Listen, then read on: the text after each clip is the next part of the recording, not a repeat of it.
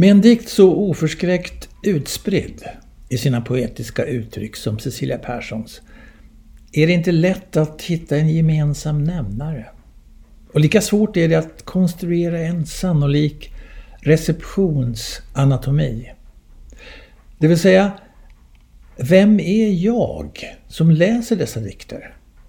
Kanske är det inte heller det man ska göra med en poesi som så tydligt och obarmhärtigt motiveras av sin egen nödvändighet. Varken av tidsandans krav eller ett estetiskt program eller något tvingande stilideal. Detta måste bara skrivas. Ingenting annat räknas. Läs, läsare, som dig lyster.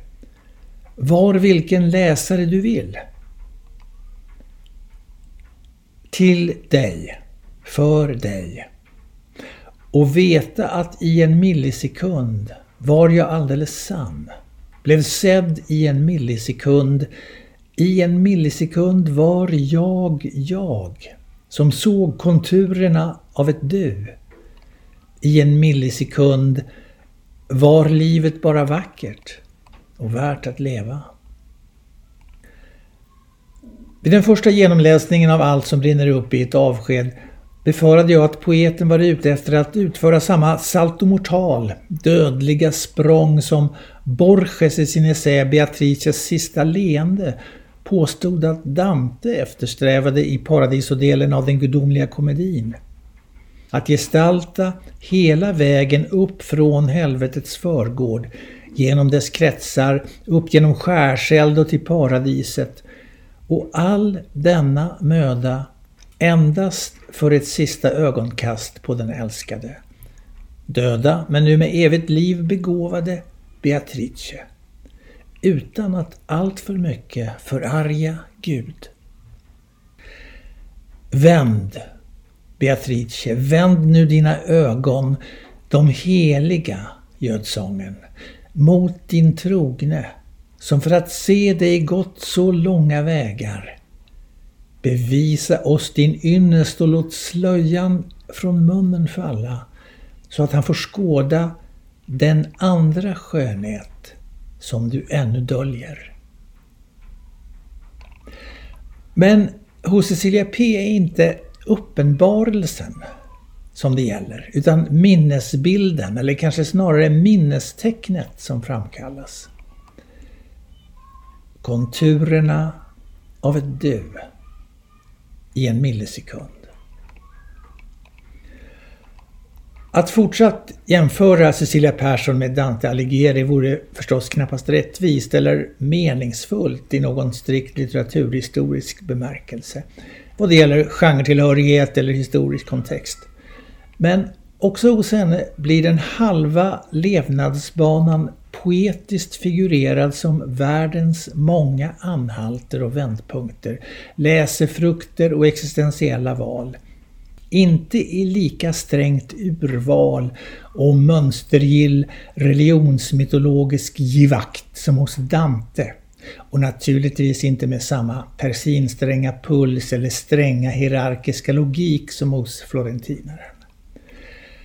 Hos Cecilia Persson dyker tingen och människorna och referenserna upp utan horisonter. Allt från Walter Benjamins mnemotekniska betraktelse till Alain Bedious vetenskapsfilosofiska teori för händelser. Och Arthur Köstler, Joan Didion och Hilda Doolittle. Carl von Linnés lärjungar och Joyce Carol Oates. Abel och Cain får samsas med James Deans bilolycka strax följd av den rätt illa åtgångna uppräkningen av alla de andra kända som dog unga. Hendrix, Cobain, Winehouse. Eller hur Marilyn Monroes skönhet och hallonbröst gjorde hennes själ osynlig. Nästan samtidigt som Platon och Sokrates dialoger faller som vita snöflingor. Det finns en måttlöshet i denna resa i associationer. Och en sån dikt riskerar att förfalla till en vällovligt igenkännlig kavalkad. Men det finns ett affektivt alibi för detta huller om buller. Dikten söker sig inte till tröst utan till förtvivlan. Och den är ändå inte traditionellt hjärtslitande utan mer som en poetisk inre monolog, medvetande ström som återgestaltar hur sorgen, döden, kärleken genomströmmar allt. Därför är heller inget fulländat. Därför att ingen omslutande eller fulländande försoning är möjlig. Dikterna uthärdar sorgen mer än de sörjer. Gör den både synlig och osynlig, doppar den i språk som både dränker den och håller den vid liv. Och Det finns ett credo här som jag själv gärna känner igen. Önskan att det ska vara fruktansvärt. Hur man håller kvar den känslotanken som en stickande, stark, mördande uppriktighet, plågar sig med den, men också andas ut i den. Och vad som håller samman världen är varken ideologi eller fantasi. Dikterna tillåter sig det mesta. Att pladdra, att sväva ut, att vara fräcka, intima, att gå på och sträcka ut sig längre än de har täckning för. Ändå blir dikten aldrig rätt och slätt bekännande. Det är språket som prövas, inte det innersta. Eller borde jag säga tron på att det innersta är möjligt att utsäga. Snarare är det just omöjligheten att utgjuta en innersta stjärna av sanning, alltså möjligheten att göra det som är diktens primus motor. Att säga någonting om sig själv utan att säga mer än man vill att andra ska veta berättar aldrig mer än det som jag själv vill förstå. Resten är min hemlighet. När jag tar mig för med att läsa dikterna i omvänd följd, för att se om jag kan hitta en annan, en hemlig ordning, så finner jag ändå ingen dold stegring eller avtagande intensitet. Det finns inget upp och ner, inget då och nu, inget förut och sedan. Allt som brinner upp i ett avsked framstår fortsatt som en poetisk andningsritual som oavbrutet kräver min uppmärksamhet. Varje dikt för sig, varje tanke och känslostråk. Som om bara ett ständigt genomkorsande av den kända världen förmådde hålla poetens eftersträvade uppriktighet om det fruktansvärda vid liv. Allt som brinner upp i ett avsked. Men Cecilia Persson håller sig trots allt med en kaosgrammatik. Svarsmänniskorna kan inte leka kurragömma med frågeorden. De vet inte hur man hoppar med undrande pronomen och tvivlande adverb från sten till sten. Frågemänniskor och svarsmänniskor bor inte på samma planet. Om historierna och berättelserna inte passar in i svarsmänniskornas sätt att se på saker och ting tror svarsmänniskorna att det förtrollande och annorlunda inte handlar om riktiga människor eller om det verkliga livet.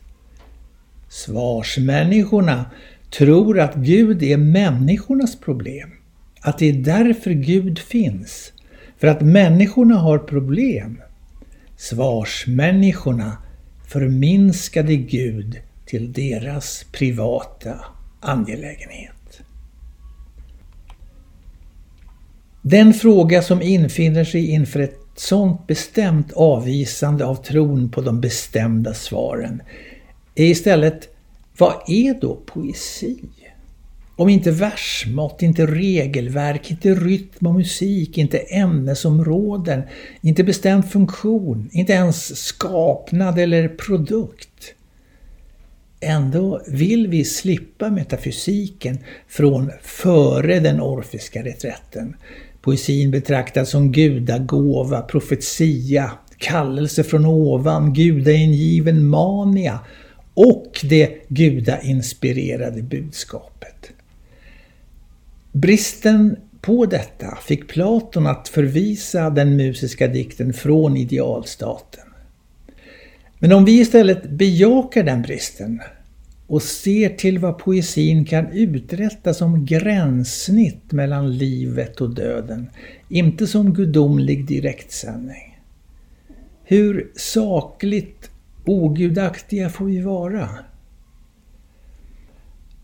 På berättande prosa kan döden eller ögonblicket då döden föreställs eller närmar sig eller helt enkelt blir uttalad som livets slutpunkt i sin starkaste suggererade form uppträda som en uppvirvlad sammanfattning. Livet passerar revy, allt snabbare och hektiskt påskyndad, som när Aureliano i avvaktan på slutet för sin släkts hundraåriga historia vråläser dokumentet som återger hela berättelsen.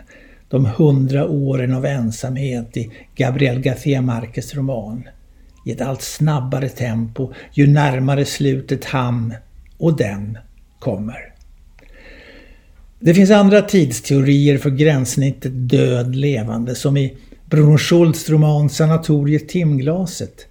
Beteckningen på den plats dit huvudpersonen beger sig för att kunna upphäva tidens gång och återse sin far, men inte minst en värld som omger det liv som fadern lämnat. Eller en tidsteori i lite makligare takt som i Hermann Brochs roman Vergil död där Vergilius under sina sista stunder på jorden återupplever sitt liv och den tid han lever i. Romanen sönderfaller i fyra delar som de fyra elementen och innehåller 18 underavsnitt som motsvarar de sista mättade timmarna i Vergili liv. Om Markes berättelse rör sig utåt, bortåt och upprättar ett tydligt berättarperspektiv och Schultz suggererar drömlikt en förlorad judisk värld. Så sluter sig Brocks roman kring sitt eget svar. Ofattbart, outtalbart var det för honom, ty det var bortom språket. Hos Cecilia P saknas i stort alltid hallucinatoriska. Tanken svindlar inte inför dödens insikt. Den snarare skärper sin iakttagelseförmåga och rationalitet. Den strävar inte heller efter något pytiskt rus i dödens och neuromantiska närhet. Snarare en mer himmelska och leviterande blir dikterna nyktert sorterande och citerande ur en förklarad verklighet. Och hon skriver ju avgjort poesi. Och de mer sakligt minnesmärkta fästpunkterna hos Cecilia Perssons dikter skapar en annan möjlighet än att samla och sammanfatta i en kalkylerad narrativ ordningsföljd. Hon låter dikterna skifta i form och tilltal och istället för att koncentrera sitt universum eller upprätta en kronologisk eller kognitiv ordning sprider hon ut livserfarenheternas parafernalia. Det ger henne också en frihet att ibland vara direkt och noggrant adresserad. Oftare vildsint sökande, otålig, krängande, slängig, på jakt efter ett språk. Ibland bokstavligt som latin, ibland i mer metaforisk mening som ett tilltal eller tankegång.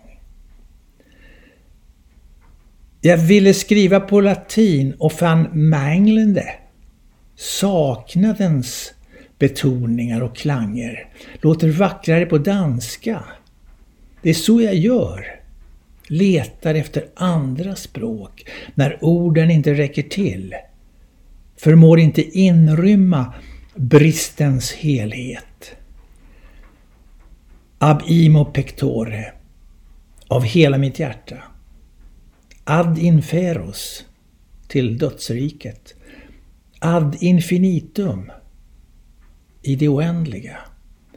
Ad interim, tills vidare.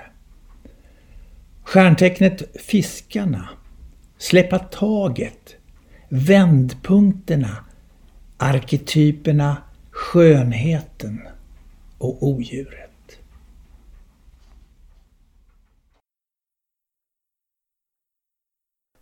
Den här recensionen är originalpublicerad på www.ornenochkrakan.se under ansvarigt utgivarskap.